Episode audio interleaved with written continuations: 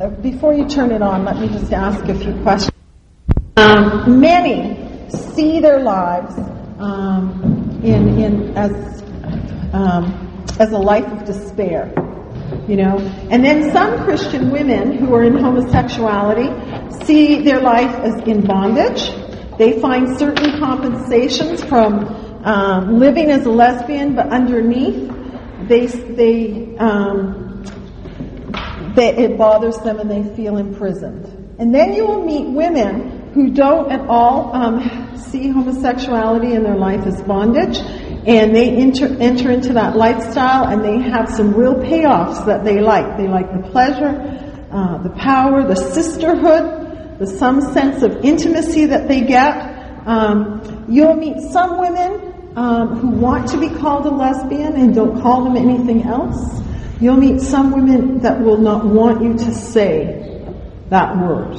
You know, I guess what I'm trying to say to you is that um, what you need to do is look at each woman as separate with their own um, and listen to the way they um, tell their story and how they um, want you to respond to them. You know, because there's so many of them and they're so different in, in the way that they respond to this. I think um, I anyone that I have met that would say to you, I am really happy with, with being um, in, in, homosexuality, um, usually I find that if you can get close enough to them and build a relationship and have the walls come down, um, that you will eventually find the holes and the unhappiness in their life. And that's what I meant by last night when I started to get close to my aunt who lives in California. Um, you see, I couldn't for the longest time come to terms with their relationship because to me, it was one of the happier relationships that I've ever seen. You know, they'd been together long and every, every time I was with them, they were really happy. But it wasn't until um, I built that relationship. I was open to hearing her that my aunt began to talk about many things in her life that showed me that she really was discontent and unhappy. And it, it then I then began to realize that um, you know you just have to get close to people to begin to hear what's really going on inside of them. And I think also when you're working with this people group, um, you are working with women who, who have been hurt very deeply. And um, it's going to take time um, with them. I love the fact that um, Jesus, when he said in, in his public ministry that he promised freedom for those who were in slavery, in bondage. And in Luke, where he, is, he says, He has sent me to heal the brokenhearted and to announce that captives shall be released and that the blind shall see, that the downtrodden shall be freed from them, their oppressors, and that God is ready to give blessings to all who come to Him. And that's in Luke 4 18 to 19. And I really feel like I, I really feel as I work with women that we are dealing with not just a lifestyle, but with really deep, deep hurts. And I, and I think that God loves those women very much, and He wants to touch the deep hurts. You know, and when we can understand that, it will make it a little easier for us to put up with a lot of stuff that comes with with those kinds of women that we're helping. Um, now, when we talk about lesbianism, all right, um, what do you think of? Can I get your definitions? I'm going to put you guys to work. Two women who love together. Okay, who love each other. Okay. And stay together as a couple. As a couple. Okay. For me, it is much more. Uh, it could be just a feeling, and it can just be one person who have feelings for someone else who don't respond to it or do not do not know anything about it. Uh, to have feelings uh, towards uh, someone, towards a girl. The emotional, yes, the, emotional. the emotional attachment. Mm-hmm. Anybody else? The reason I ask this is because oftentimes when we um, start to think about this, we usually tend to say um, to emphasize the physical aspect of it. But it's very important um, to emphasize also the emotional part of it because many women get tied, emotionally dependent on each other way before they might um, get involved physically. And you will hear when you talk to women, just like what you said, um, that sometimes all it was was that emotional love that just held you together.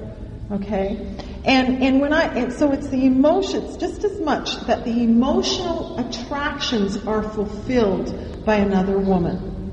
You know? And, and that's what's important because healthy women can love each other. Alright? But their, their emotional attractional needs are not met by their, their friends. Do you understand the difference in what I'm saying? Um, I'm not I'm quite sure that I understand what you're saying. Okay. The, the, the real the, the real emotion needs are fulfilled if they are friends and if it is uh, healthy emotional feelings they have together towards each other as, as friends. But when you, you are attracted as uh, in the way we're talking about as lesbian, then uh, it is much more uh, feelings that this special person can fulfill my when two women, yeah, when two women who are healthy, heterosexual women come together and become friends. They are not looking for that other woman to meet all their needs and fulfill all their needs. Okay? Whereas when it's with lesbianism, it's two women that come together and, and they want all their attraction, all, attractions, all their emotional needs, all the needs to be met in that one person. Okay? And I think it's very important to understand that because then you have something to work with. You know, when you understand it's not just about the physical, it's about the emotional needs that need to be met. And the truth of the matter is some of those emotional needs are okay. You see, and when you, but they're just being worked out in the wrong way. And when you understand that they're okay and you can begin to help people to work through it and to find new ways of finding those things and having them met, um, then that person can, be, can grow and become healthier. Okay? Um, now, an old question that we all ask and that you're going to find that women will ask is um, the whole thing what are the roots of like what are the roots you're here you want to know what are the roots um, let me say right now, I cannot tell you here's one, two, three, and these are the reasons why people are in le- women are in, in lesbianism. I just can't do that. I wish I could. It would make our lives so simple, but it doesn't work that way. You know, um, I think there are many, many factors that play a part, and again, you have to listen to women's stories. But I can tell you a few of the things that we have seen throughout Exodus um, that are common among um, people. One of them is parent, um, parent attitudes and relationships. All right, the same sex parent as well as the opposite sex parent. Now, let me start with the same sex parent. Okay, because we have seen this over and over in women. Um, and Elizabeth Moberly has talked about this, and she talks about, if you've read her book, do you know Elizabeth Moberly? Have you mm-hmm. heard of her? Yes. Okay. Um, Elizabeth Moberly wrote a couple of books on um, this subject, and she's a psychodynamic person, and she has written um, that in her book, New Christian Ethic, and I'll quote what she says. A true homosexual is a person who has suffered the loss or the absence of the same sex parental love during the formative years. A person, therefore, who remains in a state of incompleteness and who searches for completeness and who searches for complete, completion in relationships with persons of the same sex in adulthood. What that means is that God has given us as women legitimate needs Okay? We were born as children to have legitimate needs that were to be met by our parents. Okay? And our mothers. right? Um, we needed to have love from our mothers. We needed to be dependent on our mothers. We needed to be affirmed by our mothers, okay? But for some reason, something happened, and it does not have to be the mother's fault. Okay, this isn't about parent blaming here. But for some reason, something happens that the, the, parent, the child perceives that the mother doesn't love her. And so here she is. She's, she's um, growing up and she finds it as a young child, she thinks her mother doesn't love her. Okay? And so every time she moves towards her mom because she wants to have that love and that affirmation, those God given needs that are legitimate, every time she moves towards her mother, she perceives, maybe it's real, but let's use the word perceives at this moment. She perceives that her mom doesn't care about her and, and she gets hurt, and so she moves away. All right? And as she keeps moving, as this keeps happening, what she does is start to build a wall um, between her and her mother. So even if her mom is actually trying to love her, the wall has been built by this child that it can't get through. Okay? Now, in order to protect herself, and this is what you need to understand with um, Moberly's theory, is that in order to protect herself, she becomes ambivalent and detaches. All right? Now, the ambivalence is the key thing where women are concerned in lesbianism. The ambivalence says, I want this love from my mother. I don't want this love. All right? And because I hate my mom, but I want it. I love my mom, I hate her. It's that ambivalence that drives her to go looking for that legitimate means in other women later on down the road. Okay? And depending on how much she has worked to detach herself from it and how strong the hurt will be, will depend on how um, uh, where she is on the, um, the continuum of, of lesbianism to the place that maybe she's rejected being a woman and she wants to be a man. Okay? Um, so that's what you have to understand. In my own life, and I'll use me as an example, um, my parents were missionaries, and they had to go for training, and I was a year and a half, and my uh, they had to go away for a month, and um, my mother took me to my grandmother, who was my step grandmother. I was not very close to her, but she was going to be looking after me for that month while my parents were training for the mission field.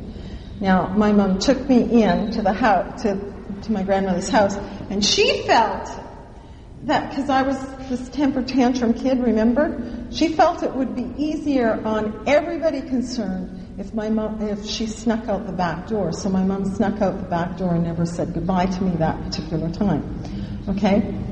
A month later, she came back. And when, and when she came back, I would not go to her. I would not talk to her. Um, in fact, my mother will tell you it took her two to three weeks to get me to allow her to pick me up and hold me without me screaming. And when my parents came back, wanted nothing to do with my mother, I would run to my father, no problem with anybody else. But I had already, at a year and a half, perceived. You gotta hear that word because it wasn't my mom's fault. She's just doing the best she could with the situation. But I perceived that my mother had abandoned me and that she didn't love me. So that was, for me, the beginning of the Moberly defensive attachment in my life. All right, where I started to build up a wall and become ambivalent towards my mother. Now, you need to hear this, okay?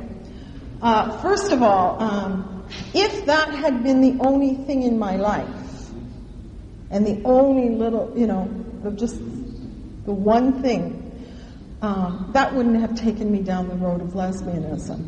Okay, so I'm not, you know, wanting to put a lot on that. But what I'm trying to say to you is that one little incident was the first stepping stone of a process of learning to detach from my mother and become ambivalent. And it was the first stepping stone that I did a lot of measuring um, things and perceiving out of.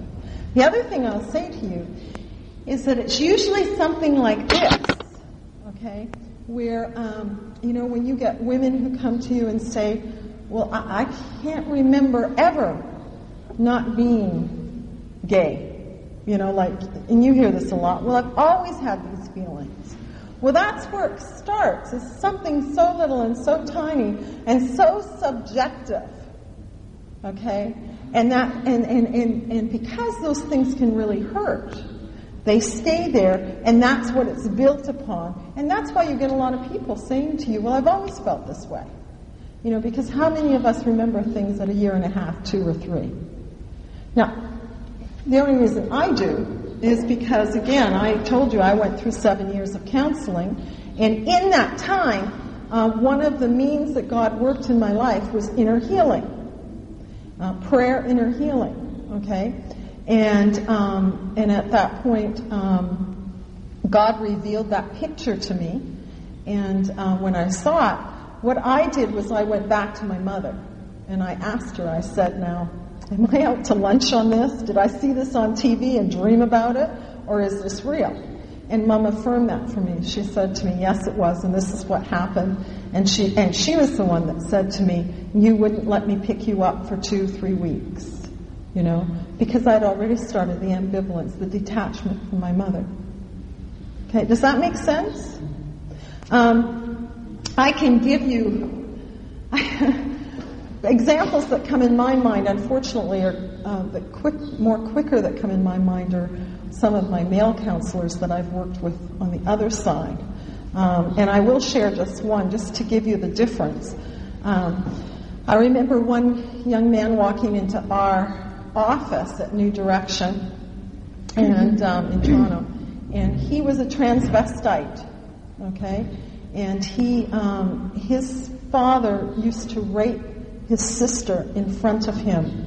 And he watched that from the age of four to about 14 when he finally left home. Right? Now, for him, he was also forced by his father to have sex with his mother. Okay? So for him, what happened is, of course, he detached from his father. He looked at his dad and he said, There's no way you love me. And I think we can understand why. Okay? Um, but he went so far as to detach to the place that what happens is you say, I don't want to be my father because this, because this, if, if my father is what a man is, then I don't want to be this. And um, so he went to the extreme of, I don't want to be a man, therefore I will become a woman. Okay? So that kind of shows Here's one that's it's a violent situation. In mine, it wasn't an intentional thing. You know, so I hope you can see the differences. And you'll get everybody's stories. Now, I remember with this particular, um, and, and I, before I say that, let me just emphasize the ambivalence is very key, you know, because oftentimes people will say, well, you know, I didn't have a good good relationship with my mother, but I didn't become a lesbian. Okay? My sister Linda will say that. All right? But the difference is my sister Linda didn't have an ambivalence. She just decided she didn't want mom in her life. She didn't need women as friends. And she turned to dad for that, and she just got her more interested in men. Okay? Her brokenness was in trying to please men. All right? because I had the ambivalence, because I wanted the love from my mom, but I didn't want it, it was that ambivalence that led me to go looking for it to be filled up. Okay? And that's what's a very key factor in understanding this theory where women are concerned. The other thing is the disidentification is that when you come to a place that you say, This is, I do not want to be like my mother, and I will come back to this. Well, if you're not going to be like your mother, who are you going to be like? And I think this is where you find a lot of women taking on more of, um, I hate these terms, but more of a, a masculine kind of presentation. And again, depending on how broken that is, will depend on where they are in that um, line. Does that make sense? Okay. Now, again, you need to hear this. It's just one piece of a puzzle. It's not the whole thing, you know. And I do remember, and this is what I was going to say is, I remember the first time I was at Exodus and I heard this theory. And I sat there, this was many years ago, and I sat there and I thought, but that's not me. That, that isn't me. I mean, I had a very close relationship with my mother. I loved my mother. My mother and I were best friends. I looked after my mother. Man, when she would get into trouble or, or she was crying or hurting, I was there to hold her and to, to help her and, and to keep things going. I love my mom and I were best friends. That is not me in this.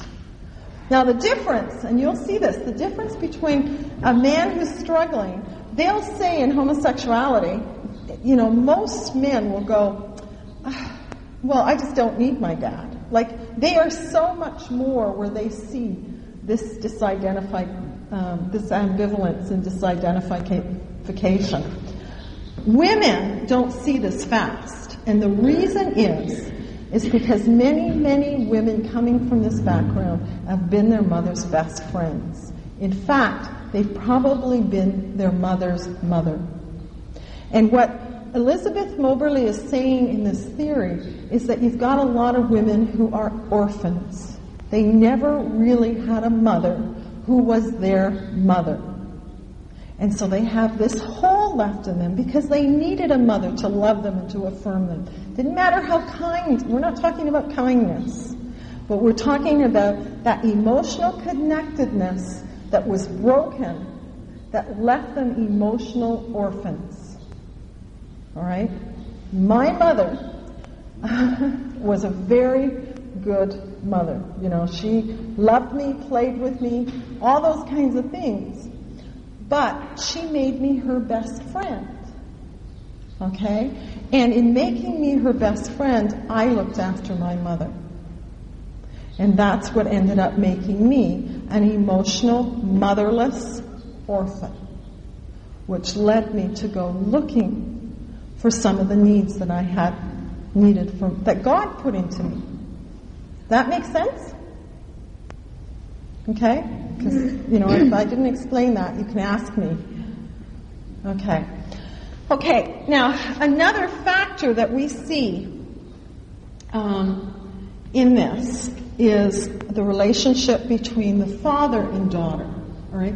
Because if your mother relationship is out of kilter, you got to know the other parent is out of kilter. And many times in women's lives, um, you will see uh, things like uh, maybe uh, their father um, uh, was uh, a very dominant person, and what they heard from their, their father was, Don't think like your mother, think like a man. All right? Um, those kinds of things. And what that says to a woman, because you have to understand, the father plays a very important part in affirming girls as women. You know? Um, God has given the father um, probably the most important job as far as affirming both children. Um, with their with their sense of identity. It is the father who is the first man that the daughter learns how to relate to. Okay? And when you have a father who is saying to you, I have to teach you to think like a man and not like a woman, what does that say? That says that women really aren't that smart, and I better be more like a man. You know? Um, and I'll tell you, I, I, really struggle with those kinds of, and, and the truth is now as an adult, uh, older, something or other, um, I have a really hard time. I mean, I'm getting better, but for the most part, I'd much rather be with men because there's much, uh, they're more fun to talk with. You know, women want to talk about their kids, and, and, and I'm learning to really enjoy that. Don't mind me. like, don't take that as an insult. I don't want to insult anybody. But I do. I find men are more, um, just more exciting to talk with, you know. And I really struggled with that for a long time. Um, you might see a father who advocates his responsibility and the mother takes over. And so again, that might say to the girl, I just don't want to be like a woman. Um, the man is macho, the king of the castle. My mother is subservient. You know, um, all those things play a part. In my case, um, my dad had an affair on my mother. All right. I watched what that did to her because I was my mom's best friend. I was 10 years old when, I was first, when she was crying and told me that. She should never have told me, you know. Um, but she, I was her friend, you know, and um, she was alone, and that's what she she did. She was t- she told me. Now, what I heard and what I saw as a 10 year old child, I decided Men may be able to love you, but they are not able to be faithful. So there was no way on earth I was ever, ever going to be like my mother and put myself in that position. You know, and allow a man to hurt me the way that my dad hurt my mom. You know, and you, you need to hear this. My sharing about my parents is with their blessing. Because there's been a lot of reconciliation and healing in, in our home. So I'm not here talking behind their back. They've heard me, they've sat in the same room, and they've also done their own stuff talking about me. so they've gotten me back. but, um, so that was one major part that I just did not want to be um, like a woman because of, of, of, what my dad did. There were other factors that played a part. And in my life, um, I remember overhearing my father once say to my mom, and he didn't know I was there. Okay, I was young. And I remember him saying, um, every time I look at Pat, all I see is all the wrong stuff about me. You know? And so what I heard was, I must be a really bad person. You know, because my dad is saying that I'm, I'm a rotten person. You know, it's how you perceive. It's not. And first of all, that conversation wasn't something that he ever thought I would hear. Another time, I overheard him saying that he had a hard time picking me up and holding me and hugging me because I was overweight. Well, what did that say to me? That said I was an unlovable person, you know? And all that affirmed to me that, you know, no man was really ever going to, to love me. You know, when you start to hear a puzzle, my pieces are a little different than other women, but what you will hear is that scene. The mother relationship is out of kilter, and somehow the father's relationship got out of kilter. And dependent on how how strong those hurts were will depend on where they are in the race as far as how they're going to run out of it. Do, do you hear what I'm saying? You know? Um, so those, those two things play a part. The family environment is a big part in all of this, you know. When you have a dysfunctional family, um, there are certain rules that women learn. Um, a dysfunctional family teaches women about no talking. There are certain subjects that are just taboo. You do not talk about it. Sounds like the church. No trusting. Okay? You're not to trust. You're not to feel. I'll never forget, I must have been uh, about, oh, I don't know if I was about 10 years old, and I had fallen in love with this uh, teenage guy, you know. And, um, and I came home and I had this crush and I was talking all about it and my mother started to laugh. Right? Now, honestly, again, I'll say she wasn't laughing at me, but that's how I heard it. You know? And um, so that said to me that it was an unsafe place to talk and trust and, and, and tell you how I felt. And I'll tell you, I wasn't going to fall in love and let anybody ever know that again. You know? That's it's it's been a that was a long battle for me to undo that one. Um, because I expected, even right up to the point when I got engaged, I expected my mother to laugh at me. Because that's how deeply things can happen to you as a child and the way you perceive it. Okay? And this isn't about right or wrong or blaming anybody. This is about a child who is just, you know, measuring and deciding how they're responding to the things that happen to them. And if we can understand that, then we can begin to see why it is um, that it's so important um, for some of those things that God needs to touch and release us in order to move on. You know? Um, in that dysfunctional family, you also have a sense of loneliness and is- isolation, and it begins to develop at a very young age. Um, so when, when we understand that, you're going to know that when you come alongside of somebody who is asking you for help as they walk out of lesbian, you're going to realize, and you need to realize, that this means you're going to have to walk the extra mile, maybe two miles, maybe three miles. You know, and that, and I'm going to talk about this a little bit later, but that means that you need to know your boundaries very well, or you're going to get too tired to walk that extra mile. Um, so another factor that I see, that we see at Exodus, is um, peer influence. You know, many times when a girl gets to that age that she's 12, 13, you know, and she's going into, well, in Toronto, in Canada, it's high school. I, I don't, is it high school here? 12, 13? Oh, okay. Yeah. Can't you get with it?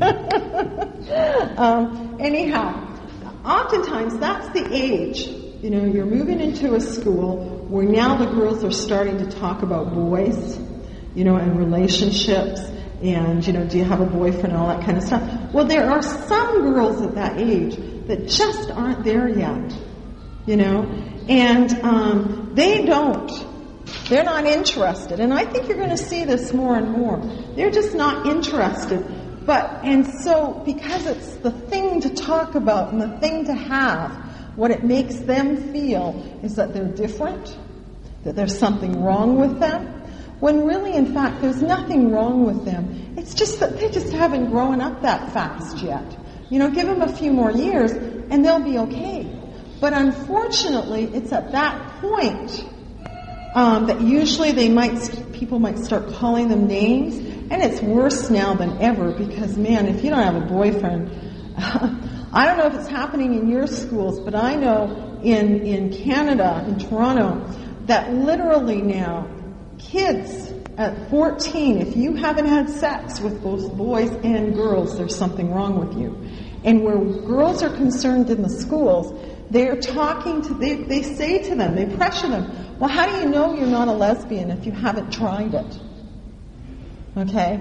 Well, you know, the truth of the matter is, when you're 14 years old, it is a lot more easier to be with a girlfriend than to try and have this. I mean, even at the best of times, it's awful to be with men. Do you know, you know, because we're so different and learning how to communicate and understand each other is, is a hard thing to have. No problem, come on in. So, you know, when you're 14 years old and that is hard on you, okay, it's much easier to be with girls and um, and to know what each other likes and to play around and to enjoy that. And I think it's very dangerous at this point to have it that they are being pressured to try this out. Because I think even without anything else alone, that whole issue of, um, of being in that space at that particular age could change the way you see things. Do you know what I'm saying? Um, so that's so that's also, and then if you get calling names um, like tomboy or queer or um, you know whatever names, that's labeling you. I've talked to more people um, in in Exodus circles uh, that didn't realize that they were a lesbian until their friends started to call them that. You know, and I don't know if you grew up with that little um, sticks and stones will break my bones, but names will never hurt me. Um, did you? You never grew? Oh, I'll tell you, that is a lie. I would rather have sticks and stones any day than names because when people call you names, they stick, and it's almost like they curse you. You know, and and and it, it, it labels you, and that's what's happening. You know, when, when kids, and when I talk to teens, I tell them God's going to call them accountable to all the names you call people because they can make real damage, and they do uh, make damage in the schools. Um, I know that I had a hard time feeling like I fit in at, at, at 13, 14. We had just come back from Guyana, um, South America, um, and we, here I am, an adolescent, 13 or 14 year old. I am walking into a new school situation, a new culture and country, okay? And I just didn't fit, right? And that for me, and the teasing of, of um, the kids would tease my English and, and that kind of stuff, and all that made me feel more different. And even though I didn't have that lesbian thinking in my head, it added to my sense of difference, and there was something wrong with me, you know. And um, and I didn't like playing dolls and all that kind of stuff. I do now. I have a doll collection. I love it. But you know what? And I, and I just want to say this: when you're in, to encourage women coming out and working through their issues, I found that laughter was one of the best things for me. Um, laughter is a gift from God, and if you can learn to laugh at yourself when you're walking through some of these hurts and, and working through things, man, it makes it a lot more easier. Um, and I, I'm always laughing at myself, even now. Um, another root that I, another factor that I see playing in most women's life is that there has been a traumatic event such as abuse, rape, sexual um, abuse. Over 85% of the women that we see at Exodus has some kind of abuse in their, their life. Now, again, what you need to hear is this.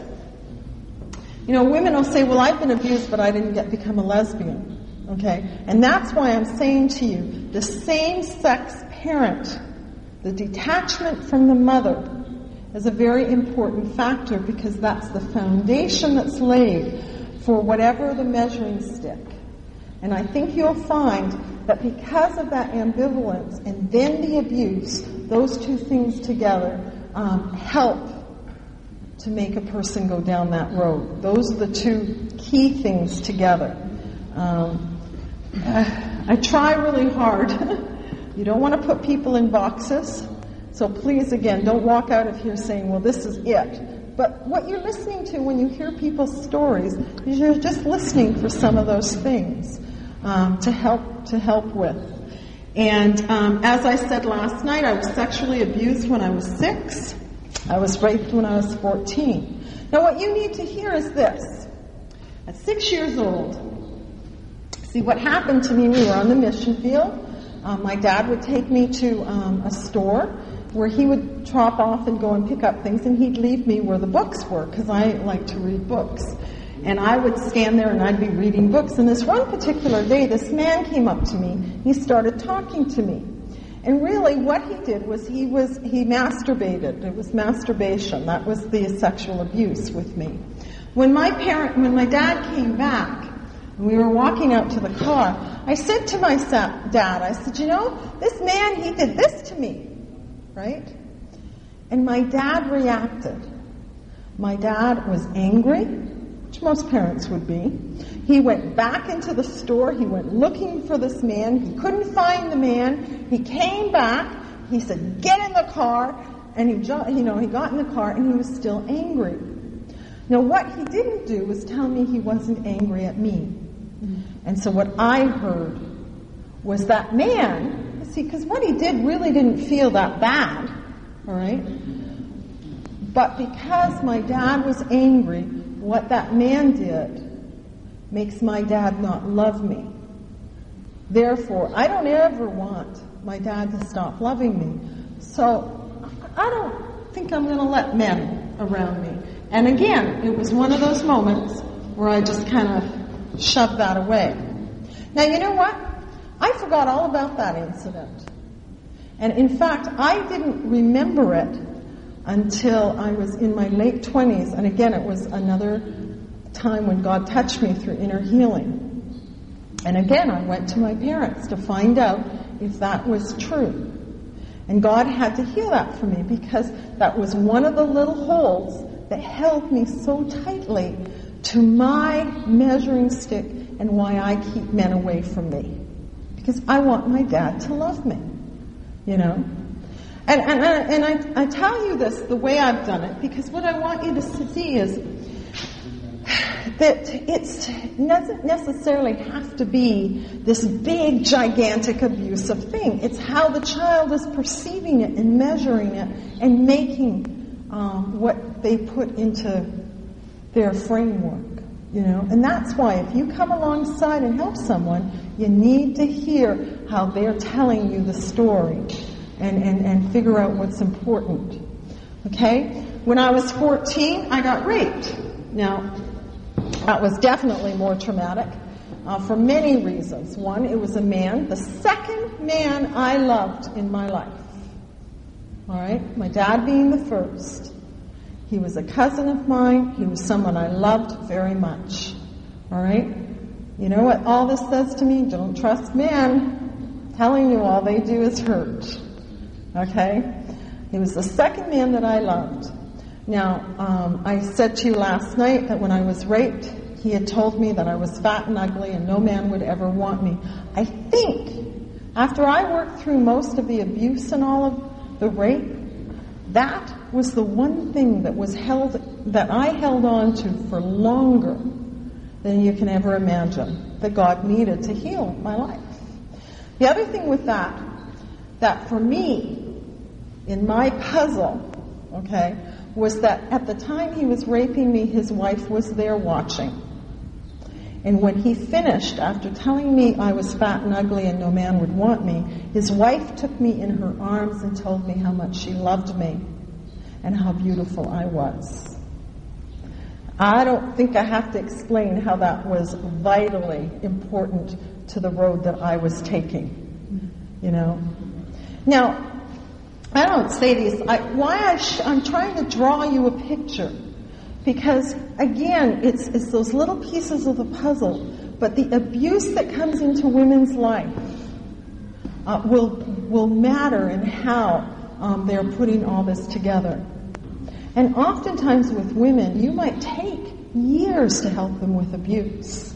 And you're going to have to forget a lot of the other issues just to allow them to get um, to the place that they can work through and go through those steps of abuse, you know. And, and if you are in um, a ministry that helps that, I would just really suggest that you do some real reading and take, you know, learn about this area because you can't get away from it where women are concerned and, and, and helping them along the road. Um, and what happens here? Now, this is changing but you will find with abuse, again, most women are abused by the opposite sex. Okay? Um, if you're dealing with men and homosexuality, most men, up until this point, are abused by the, the same sex. So there's a little bit of a different dynamic. When you're abused by the opposite sex, it cuts you off from ever wanting anything to do with them. Now, however, I have counseled a, a, a couple of women, and both have been Chinese women, um, whose abuse came from their mothers um, because they slept together, and when they slept with their mother, their mother would fondle them and, and touch them. And that plays a part in their lives as how they see themselves and how um, they're going to, you know, go with this. What happens is in, in a person's life when they've been abused, basically with men, is that they have a fear of men, a lot of lesbians. You'll see this much more than homosexual men. You'll see women um, don't have as many friends with, with the opposite sex. Now again, you'll always meet someone who will prove me wrong. Alright, so listen to their stories. Um, but there are many who have a fear of men. Um, Another big question that they have to work through in this process is where was my mother? Why did she not protect me? Now I know that sounds crazy, but I'll tell you, for, for women who are abused, the big question in them is why, why wasn't their mother there to protect them? Not their father, their mother. Doesn't make sense, but it's still something that needs to be worked through in their lives, you know.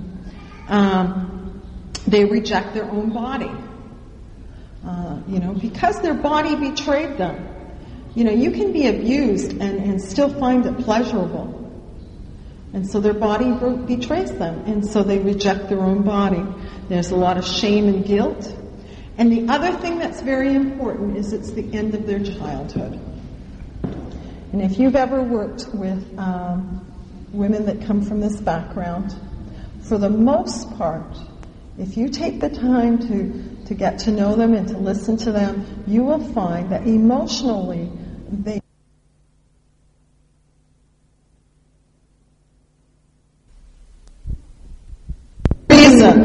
one, I don't know if they're that simple to explain. The first one is because we have rejected the fact that we're women you know, to some degree. So um, we're not seeing ourselves as relating to them as women. We're seeing ourselves more relating to them in, in a masculine way. Again, I hate those terms. Please, I don't. If you can tell me better ways to say this, I'll be glad to change them. Um, because who knows what masculinity and femininity is? But um, but that's part of it is, is, is because we've rejected ourselves. It's the same if you look at homosexual men. Why is it that their best friends are women? Because they've rejected um, that that male side of them. So the only other thing you can attach to and what you you um, you identify with is the masculine side. Okay. Now the second reason, and this is I learned this more the week that I was with my aunt in California and saw that time I shared with you last night about my gay, um, all being all with these gay women. And this is one of the things that God revealed to me at that point. Do you know that we hate women? Lesbians really do hate women. Now that will sound really weird when, in fact, we're climbing into bed with them, we're wanting emotional connectedness with them, and we love them. But the truth of the matter is that we really do not like women because we have rejected ourselves as women. Now that doesn't make a lot of sense until you start to see it and work with it. Um, but that's the other reason. Because we really do not like women so it's easier. You see, and when we have emotional lover relationships, okay, um, it's not a normal woman-woman relationship. You know, and usually you'll find, um, and, and studies are showing this more and more, there is more violence in lesbian relationships um, because they're angry. Um, and when I was there that week with my aunt and I watched these women on beaches, okay, this, I mean, it just hit me how much we dislike women. Here were these women, women sitting there talking about other women like men do, you know, when they say all those crude things as men walk, women walk by. The things that we despise, they were doing to the women that they, that they say they like you know. And I just thought, man alive, this is this not deceptive? You know, it is just, it is just a really warped, distorted um, way that, that of hurt Okay, and you need to uh, you need to hear when I'm talking to you here. I'm just talking very. Um, I'm just talking about the dynamics because when I have a woman in front of me, you know, I'm seeing that woman and I'm caring for her. I hope you hear the difference. So I don't want you thinking that I am saying wicked things here, but it's true. They don't like women. And when you can get in touch with that in the in the counseling, and that's usually way down the road. This is after you've dealt with your your issues around your mother, um, and and and you begin to have friendships, and you begin to see that. Then you can let go of some of that and start having healthy friendships um, with women. Uh-huh. A lesbian, what would you, would you choose a, a woman, woman counselor or a man counselor? Well, again, you see, it really depends. Um, I know some lesbian women that do not like men and would not be friends with men. I was one of them. All right, um, and and they probably would never even want to be in a group with you know with a man or a counselor with a man. Um, then I know some who might. You know, so it really depends. I counseled with a male. Now, I'll tell you why I did. Not particularly because I like, um, you know, I wanted to. I didn't. I, I didn't trust women enough to want to hear a woman. So if I had to do the worst of evils, it was going to be with the man. All right. Um, but the other side of that was, at that point in my life, there wasn't much choice. you know, I, you know, when people call me at Exodus and they go, well, you know, like, I want this or I want that, and, and there isn't anybody here or blah, blah, blah. I sit there and go, don't cry on my shoulder. There was nothing when I was going through this. You take what God gives you and you work with it. You know, if you want God to do something in your life. Okay, now, I'll probably say it a little bit nicer, but not much nicer. you know, but that's, I, sometimes we don't have a choice. And so, I mean, I know lots of men who would rather not have a woman counselor, but they haven't had a choice sometimes. You know, so you work with what God gives you. Um, that kind of thing. Any other questions? Do you want to take a few minute break? Because I'm told we can go to 4 o'clock, and I don't know if you want to take a break for a second.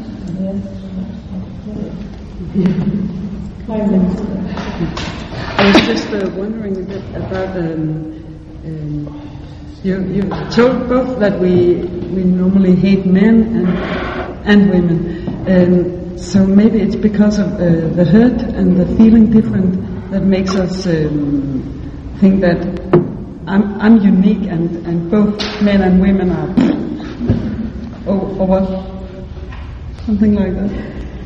Uh, the feeling of, of uh, not being able to fit in. Yeah, I don't. I don't know if it's. I, I don't know how to answer your question. I think that um, uh, people in, in homosexuality or lesbianism um, have this tendency, tendency to think that they are the only ones um, you know, and that, that attitude that, like, I'm unique, all that kind of stuff. But I think that's just plain sin nature because I hear that from everybody. It doesn't matter what hurt it is. I think there comes a time where, um, and I think that comes out of um, root problems like self pity. Um, um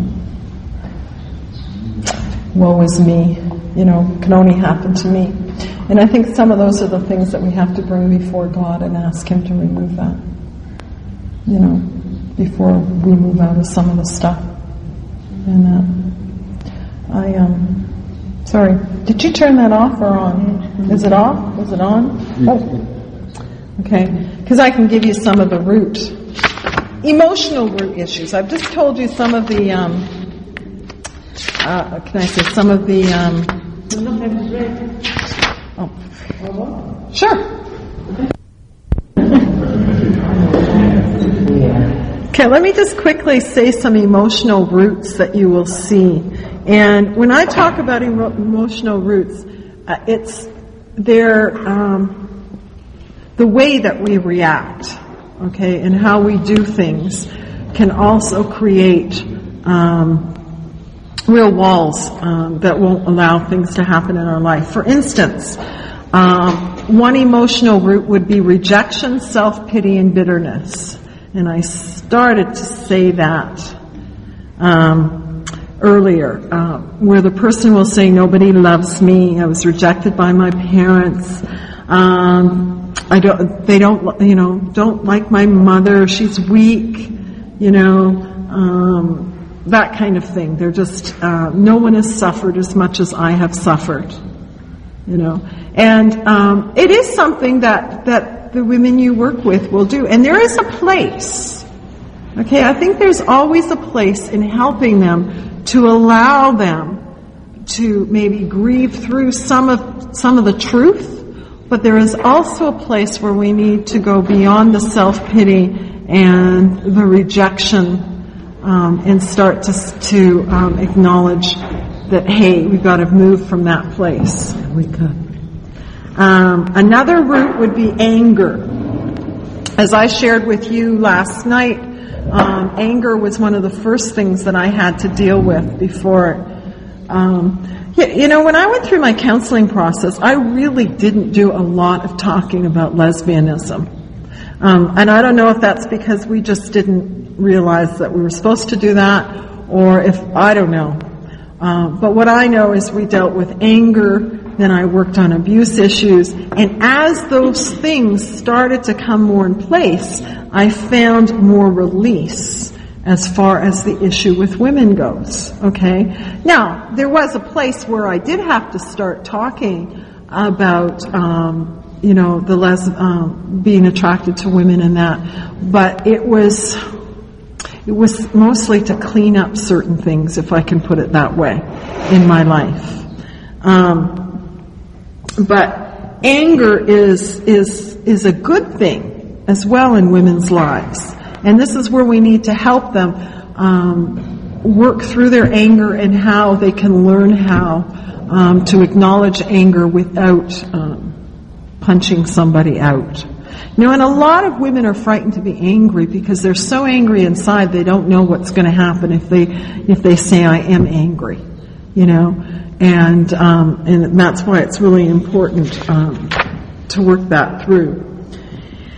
My counselor told me to go and read books on anger. That's that's how I started to learn about anger and that it was okay and how to how to do it. Um, and and I began to learn to be able to say, you know, well, I'm really feeling angry towards you. You know, um, my nephews do this really well because they've learned. And I'll never forget. I took my one nephew to Florida, and uh, he he was six years old, and we went on this haunted house ride. You know, and I didn't realize it was going to be as scary as it was because it was Disney World and it was in the little children's section. Well, he came out and he was so mad because he was so scared. And my nephew did not know how to say, I'm feeling scared. Everything for him is anger. And he wasn't, and he looked at me and he said, Aunt Pat, I'm so angry at you. you know? well, you know, uh, and I said, well, like I, he wouldn't, he was so angry, he, we couldn't even talk about it. We had to talk about it later. But you know, that's what we need to teach um, the women that we come alongside. It's okay, you know, to say that you're angry, um, but learning how to say it properly and then doing uh, with it what you're supposed to do is is really important um, in the process. Another emotional root is deception. It's basically the lies we tell ourselves, and I think that that lesbianism is um, is built on lies. Homosexuality is built on lies and deceptions, starting with um, once gay, always gay. You know, that's a lie. Uh, being born gay is a lie. You know, um, another lie for women is that all men are awful. You know, or I love this. I love the one that goes, they'll say, well, I did have a heterosexual experience once and, well, it just didn't do anything for me. And then you start asking them about their heterosexual experience and find out that it was in the back of the car seat. Um, you know, and, and after they've described it, you're sitting there thinking, well, no wonder it didn't do anything for you. But even more than that, you know, when God intended sex to be in a marriage relationship with that committedness, um, I would be surprised if they're not reacting to anything outside of that. You know, um, another lie that is told with women are women are better better suited to love women. You know, sexually they care more about me and they can deal with things. You know, um, and that's a little bit hard to tackle um, because, in one sense, we understand each other better. You know, we do understand the things that we, we feel and we talk.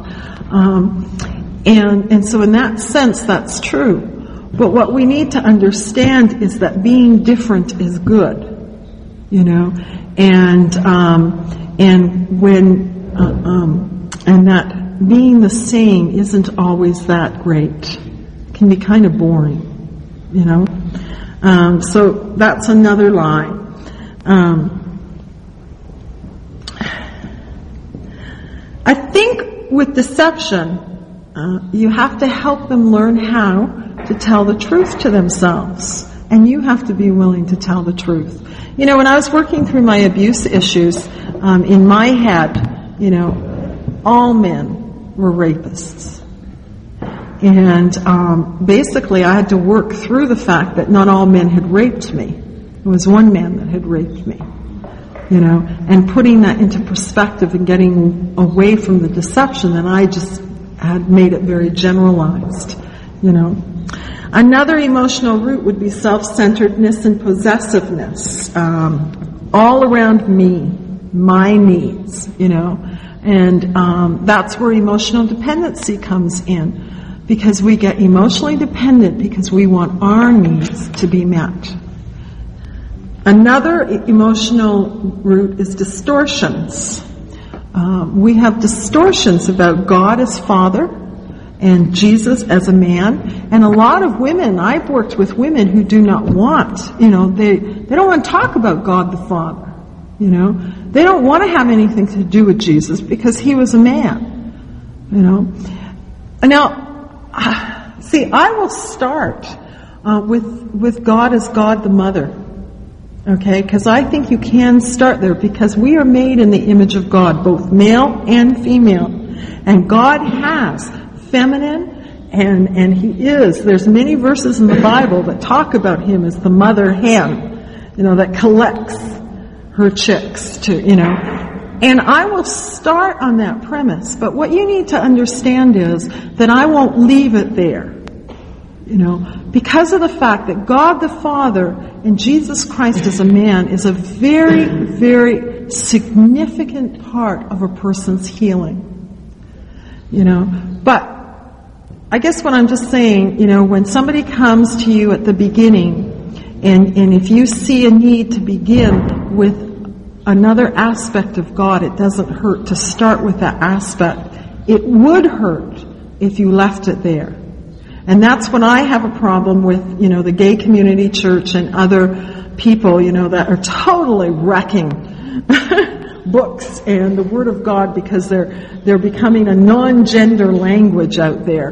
And I believe that God the Father is there um, for a really important reason, and, and, and the emphasis on him being God the Father is because he knew that we would be a generation that needed a father you know, and, and that's, and that's a very big healing part in all of our lives. I started with Jesus Christ as a man. That was how I worked with Jesus. He was a man. And I learned about him being my lover by doing things like having, um, and this might sound crazy, but this is what I would do is I would have in the, at night time, you know, when normally I would have been with my girlfriend and of course, you know, you go through all those things of being alone, not having anyone in your life. Um, Well, I found that I would, um, well, first thing I did was I invited Jesus to come and have coffee and tea with me in the morning. And I would put out two cups. That's how I learned how to pray and talk to him and become intimate.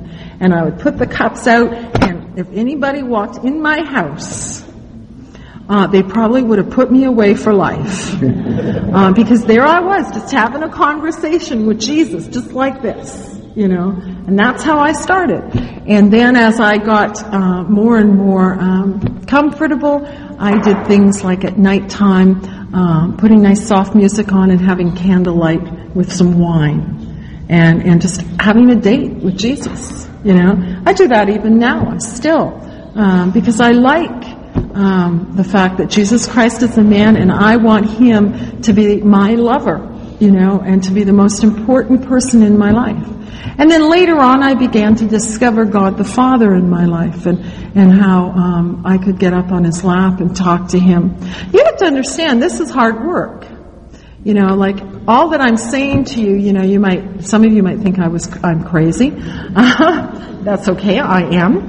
And, um, some of you might, you know, think, oh, well, that comes really easy to her because she seems like a real emotional nutcase. Anyhow, um, but you know, if you had met me when I started my journey, I was a very, very hard person. You know, like I told you last night, I was a street fighter. I had no problem. I could have put a knife in my mother's back without crying. I did not cry for 14 years in my life. I didn't know how to cry. Okay, I um, hugging people and touch, it's taken me a long time to become a, a person, and, and, I'm still not an overly affectionate person, but I'm much, much more affectionate than I used to be, you know? Um, but what I'm trying to say to you is that I had to learn step by step. And the only way I knew how to become good friends with people was to build my relationship around God and around Jesus, you know? And now I'm trying to learn what it means to have the power of the Holy Spirit in your life. You know, I've kind of ignored him for a while, so I'm going to start getting to know him. Anyhow, you know,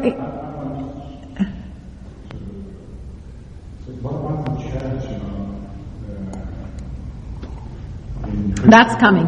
The church is the mother. When you meet the saying of theology, Christ is always talking as the church as his bride. And the church is the mother power. Well, I've never thought of, of the church as the mother.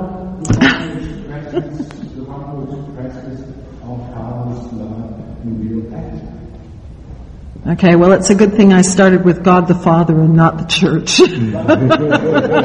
That's all I can say because the church was worse than my mother. and I, my mother was pretty good. okay. I'm just, that, that's, that's good. Um, but what I'm trying, yeah, what I'm just trying to give people is a picture of how you draw it for women. Um, and I'm even reacting to that. So you can see there's still healing to be done in my life. you see, and, and, and let me say that, and I say that, and we, you know, like, but it's true. You know, I don't think there's healing to be done in my life. There's healing to be done in each of our lives. And it's wrong to think if we do one, two, three, everything will be perfect. That's what happens when you're dealing with people in this uh, in this background. They come for help and they are expecting, you know, for you to nicely put it in a nice little package and, and have it done in this quick little one, two, three. And then they're so disappointed down the road, you know, and it just doesn't happen that way. Now I've learned to laugh. You know, and I, I laugh when I have my temper tantrums. I laugh and I say to God all the time, I say, oh, here I go again complaining to you. You know, and you've done so much, but you know, I still don't think it's enough. And, and that's why I say one of the best tools you can give women is to help them learn to laugh. You know, because um, it really makes a difference in your walk because it doesn't finish. But another area that you've got to touch on that, that is really important is gender roles and womanhood. You know, um, that's why it's important if you can get through God the Father and Jesus Christ. There has to come a time when you're dealing with gender roles and womanhood, uh, because women have they have detached, they have disidentified with the fact that God has created them as women. I could never have said to you, I am glad I'm a woman. Never. And I can't believe how much I enjoy being a woman. I'm amazed. And you know what? I don't even think I'm the kind of woman that, uh, I'm certainly not Farrah Fawcett. so I'm not the kind of woman, you know, that's out there that I thought everybody wanted. And I'm certainly not that um, nice little woman in church. But you know what? I enjoy the woman that God has created me to be. You know? And that was a big step when I was able to start saying that and thanking God for that. I don't always, I don't know what to always, I don't always know what to do with um, this whole feminine, masculine thing. But what I've discovered is that I am made in the image of God, both male and female. And I have masculine um, qualities that God gave me. And I can be proud of that, you know. But I don't have to be frightened of the feminine qualities that I have. And I can learn to enjoy them and be strong in what I am.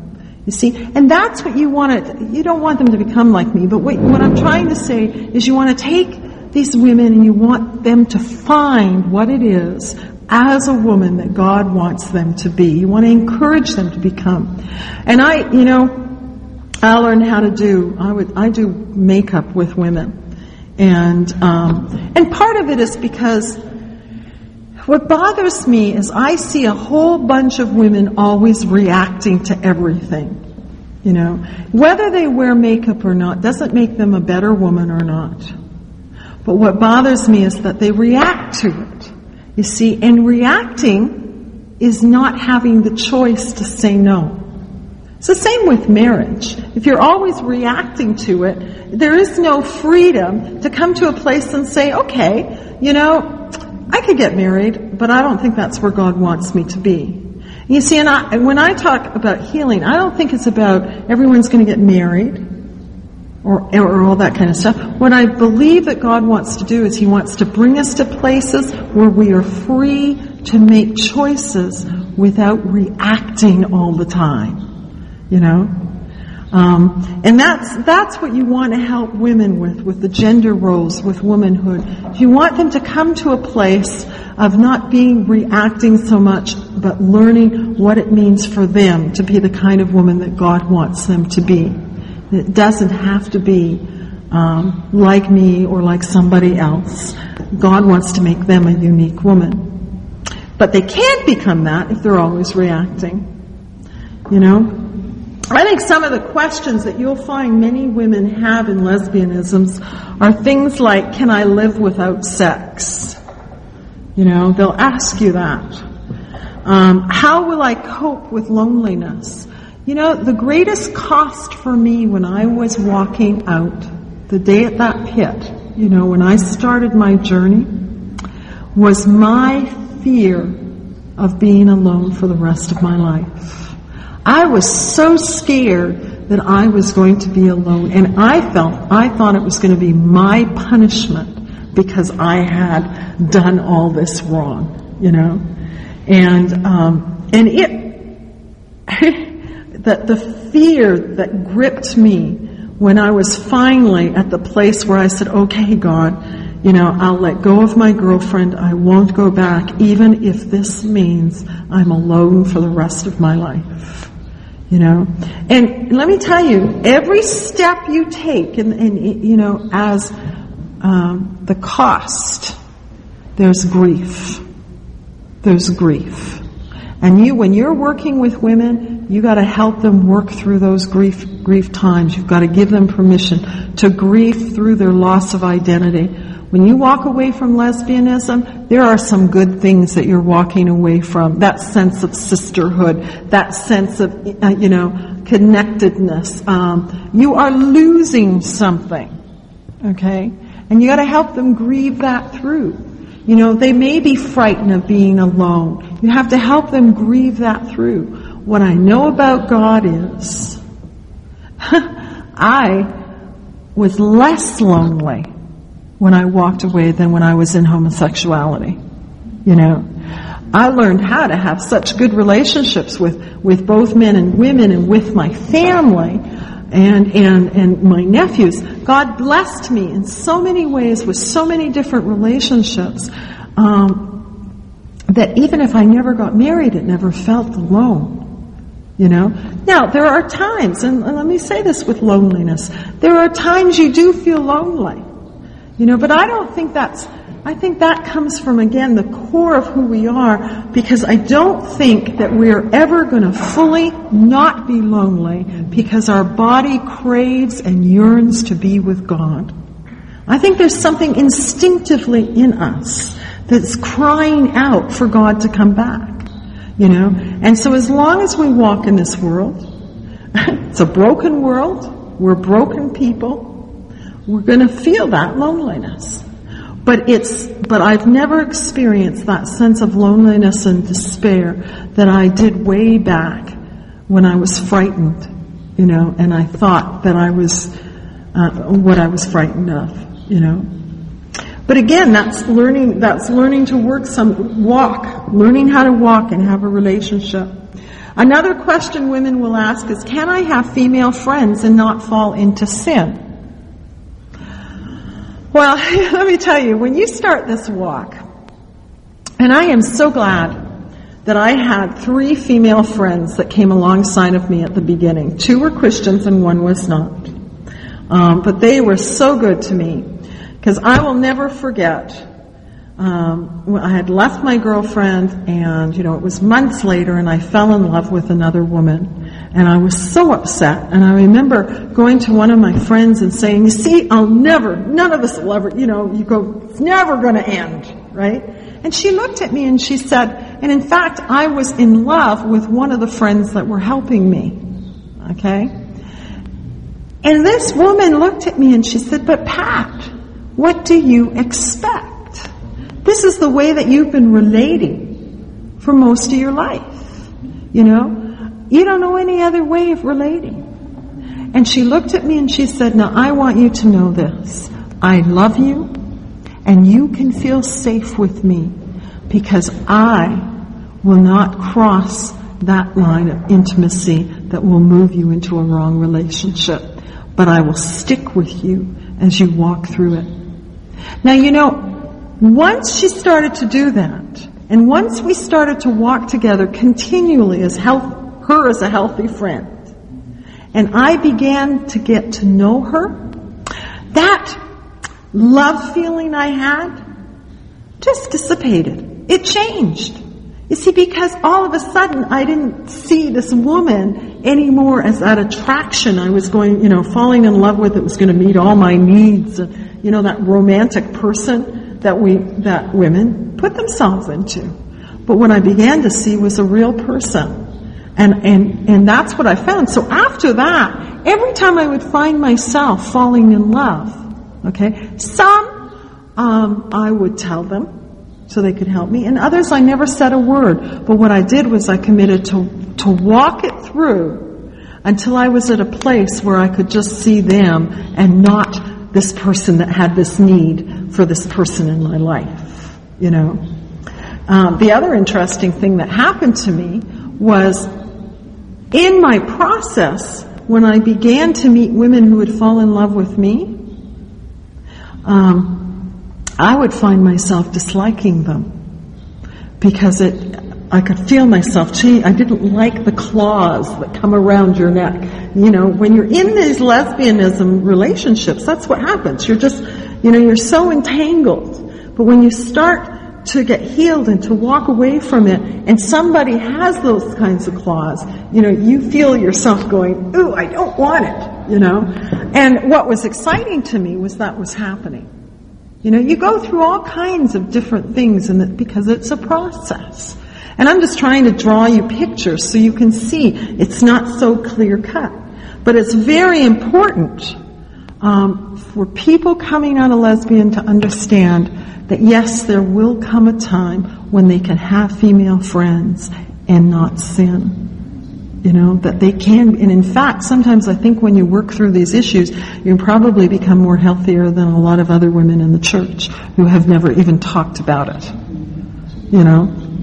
Another question that they might ask is I how, want, I want, before you yeah, take something new I want you to, uh, something uh, which uh, connect, I think, the, the last thing you talked about, the, the loneliness you talked about before. Um, I have seen a lot of people in, in base in Denmark who, um, who still feel this loneliness and uh, even after many years walking with Jesus and going out of the lifestyle, and they, they still have this uh, deep feeling of loneliness. Can there be some um, connection between this uh, still uh, affecting so deep in, in the heart and uh, and so the last thing you had talked about the same-sex relationship. If you don't build a safe and uh, healthy same-sex relationship, th- then you don't get the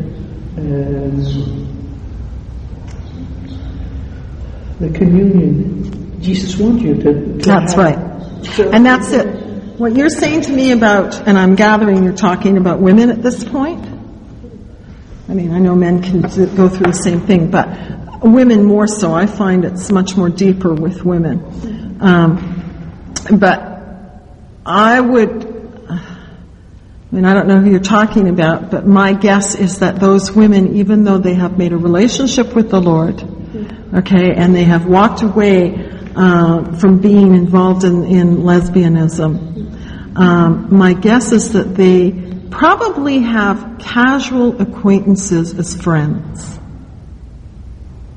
You say it in, in a little different way to the last? Uh, they probably ha- they probably have women friends in their lives, but they probably have them as a very um, Distant. distant. Okay, and that and that, and that is where um, that, that's where they need to work on stepping out and risking. Yes, I I think it is very important to have people around you that you can be safe and you That's right.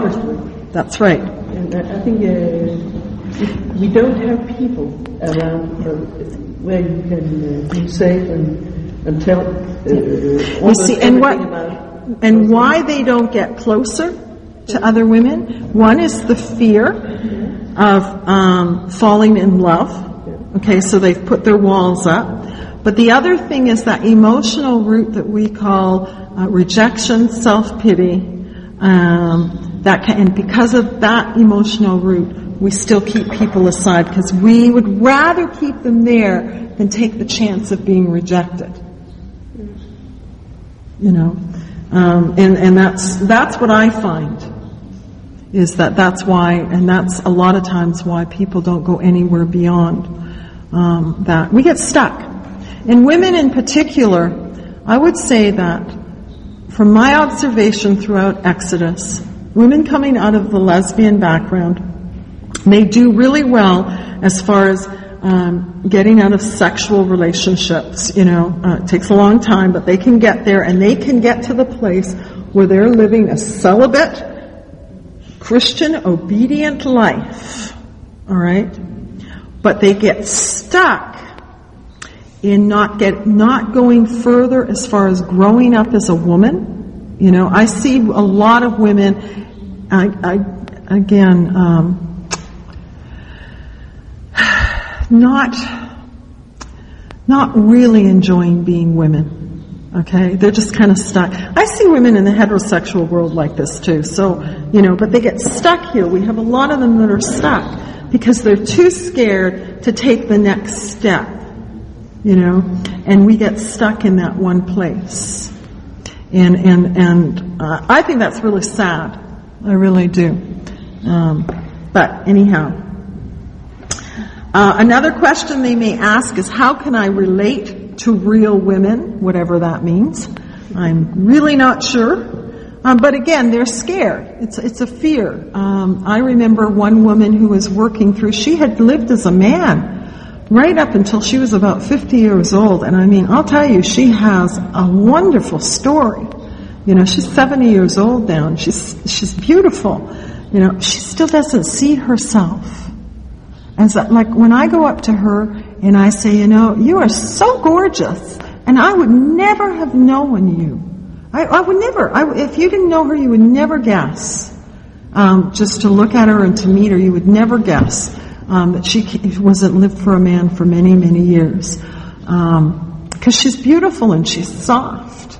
But you know, she doesn't see herself as that woman. And she has a really hard time relating to what she considers real women.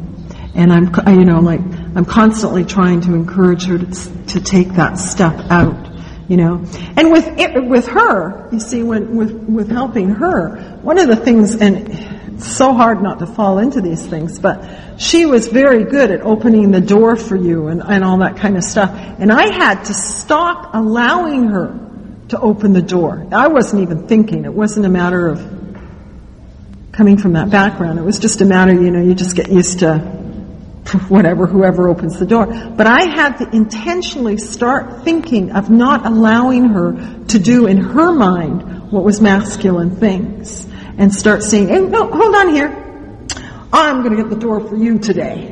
You know, and, and, and, and allow her the privilege of being a woman. You know, um, these are the little things that we we can we can come alongside and help people with in their growth.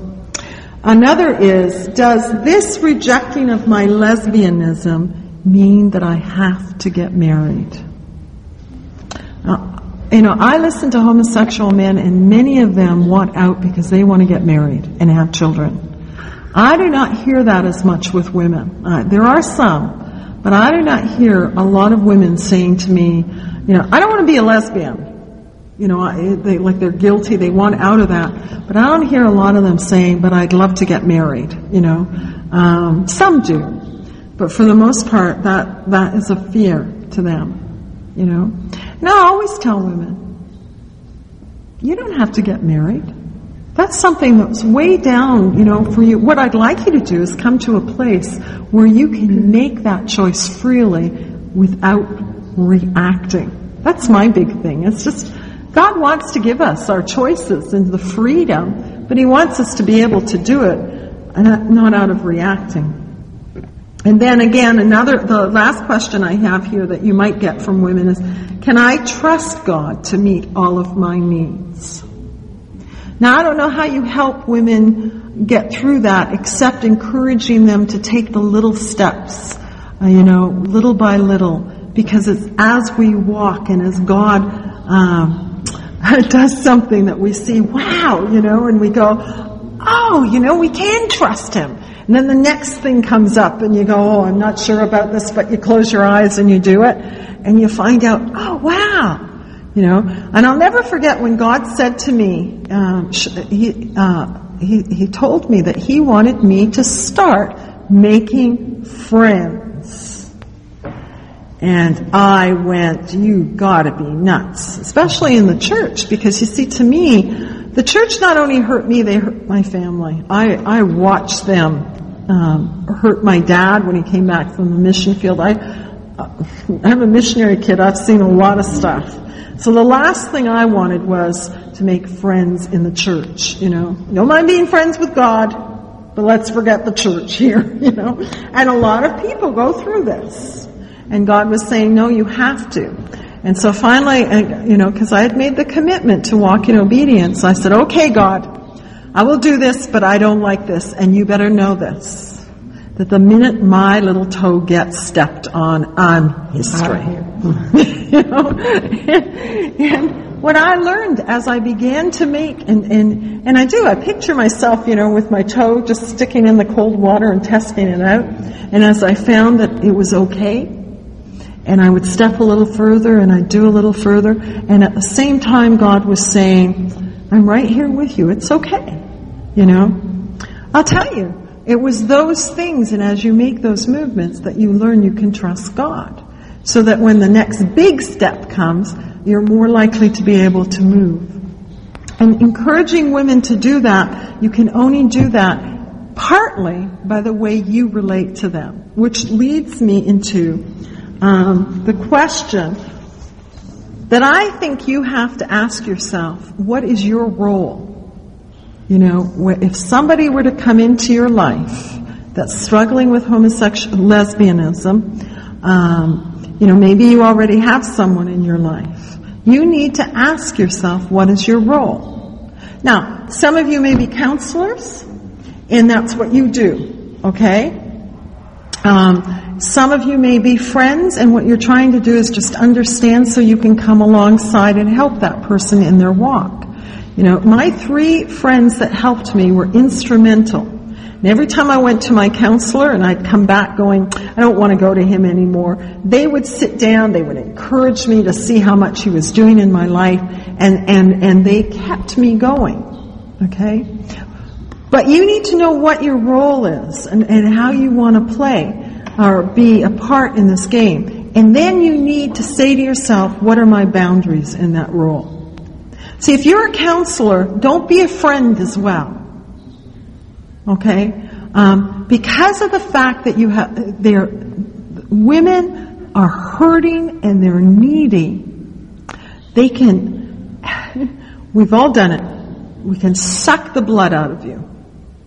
You know? And I have watched well-intentioned people come alongside of somebody and they just go gung-ho and they give all of themselves to this person. And this woman will call them at midnight, call them at seven o'clock in the morning, call them at noon, you know, want to come over and see with them and want to be there all the time. And all of a sudden you have a burnt out person.